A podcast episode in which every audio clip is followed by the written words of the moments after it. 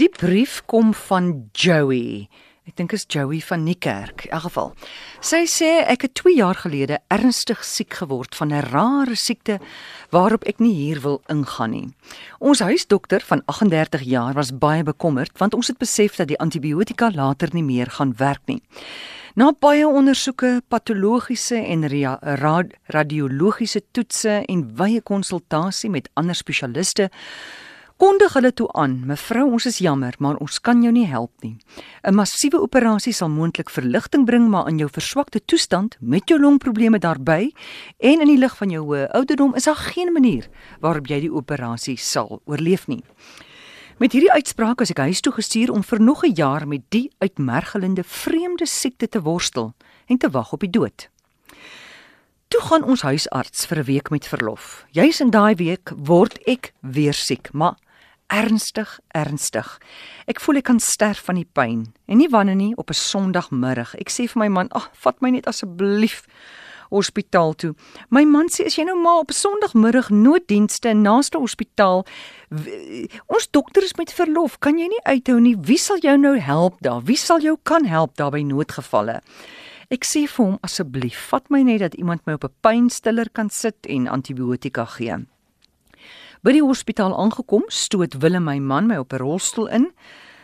Ek is reguit deur gestoot na 'n ondersoekkamertjie toe. Binne minute was daar 'n dokter by my. Na 'n ondersoek en enkele vinnige toetse, neem die dokter van Biljon my op en voorsien die nodige medikasie vir verligting.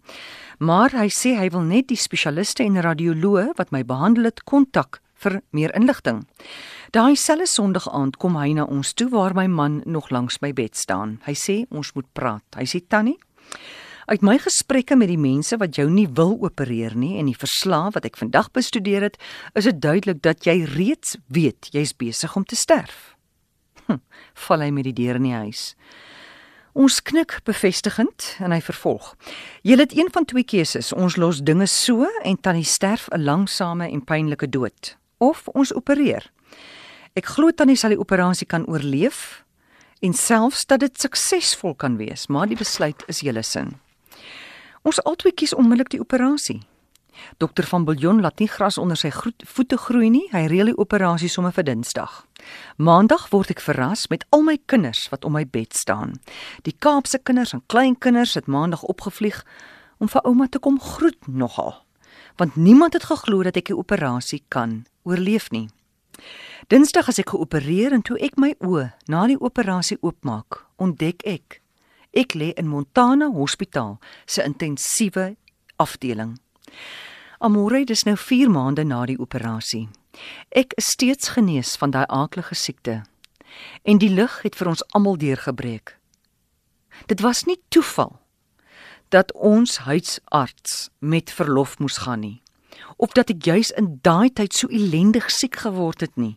Dit was nie toeval wat my die onmoontlikste mediese fasiliteit en die mees onwaarskynlikste dokters laat kies het by wie ek daai Sondagmiddag hulp gaan soek het nie. Dit was beskik dat dokter van der Bullion juis op daai Sondag diens gedoen het in die noodafdeling en dat hy een van die weinige spesialis chirurge in ons omgewing is wat opgelei is om juis die tipe operasie te kan doen. Waarlik 'n wonderwerk. Toe val lig.